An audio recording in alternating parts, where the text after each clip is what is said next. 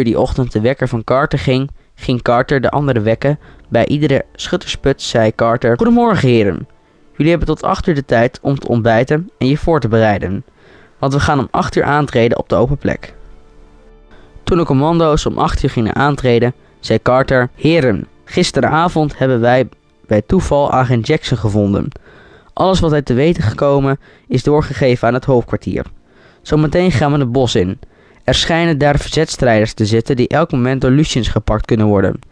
Er moeten vier mannen hier blijven. Die mannen gaan we kiezen door middel van kaarten. Wie de joker trekt, moet hier blijven. Dit doen we vier rondes. Uiteindelijk moesten Kaufman, Kruger, Miller en Jones op het kamp blijven totdat Carter en de rest van de groep terugkwam. De vier die op het kamp moesten blijven, Kaufman, Kruger, Miller en Jones, spraken af dat, de, dat Kaufman en Kruger de zuidkant van het kamp gingen bewaken en Miller en Jones de noordkant. Rond 1 uur in de middag werden Kruger en Kaufman aangevallen door een Duitse sniper, die in een boom zat. Kaufman werd in zijn been geschoten, waardoor hij niet meer kon lopen. Toen Kruger hem wilde helpen, kwam de sniper tevoorschijn en sloeg de twee knock-out door met de golf van zijn geweer op een helm te tikken. Kruger en Kaufman werden wakker toen ze vastgebonden aan een boom zaten en voor hen een Duitse generaal met de sniper sprak die hen had gepakt. Guten Arbeit, du hast die Amerikanen gevangen. Sehr schön.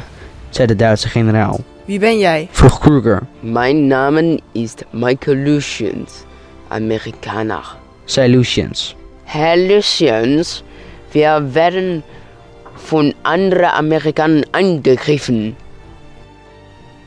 Stellen Sie sicher, dass Sie sie aufgriffen. Jawohl, Herr Lucians. Die Amerikanen waar de soldaat het over had, waren natuurlijk Miller en Jones.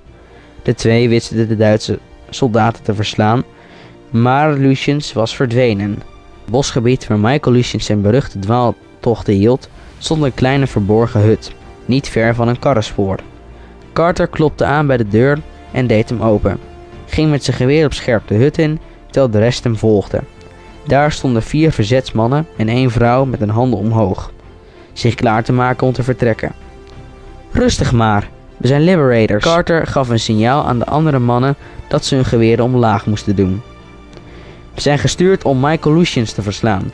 We komen jullie helpen. Jullie schijnen te worden opgejaagd door hem, zei Carter. Ja, dat klopt. We kunnen jullie hulp goed gebruiken. Luciens kan hier elk moment zijn. Ons plan is om Wessels hier te laten. En als Luciens mannen binnenvallen om hem te ondervragen, dan vallen we hem aan. zei de leider van de verzetsgroep. Goed plan. Als we klaar zijn, kunnen jullie met ons mee, zei Carter.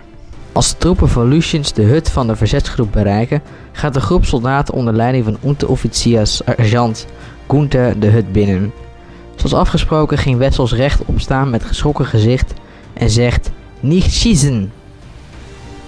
Gunther beveelt twee mannen om Wessels mee te nemen en de andere om de hut te doorzoeken. Gunther laat Wessels bij Luciens afleveren, die hem vervolgens ondervraagt. Waar zijn de anderen? Vraagt Luciens aan Wessels.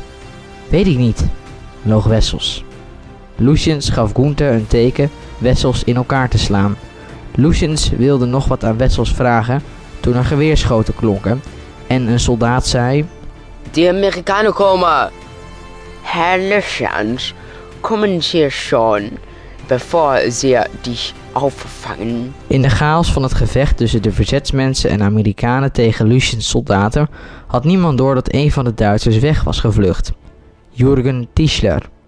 Na het gevecht waren de meeste Duitsers gevlucht of gedood.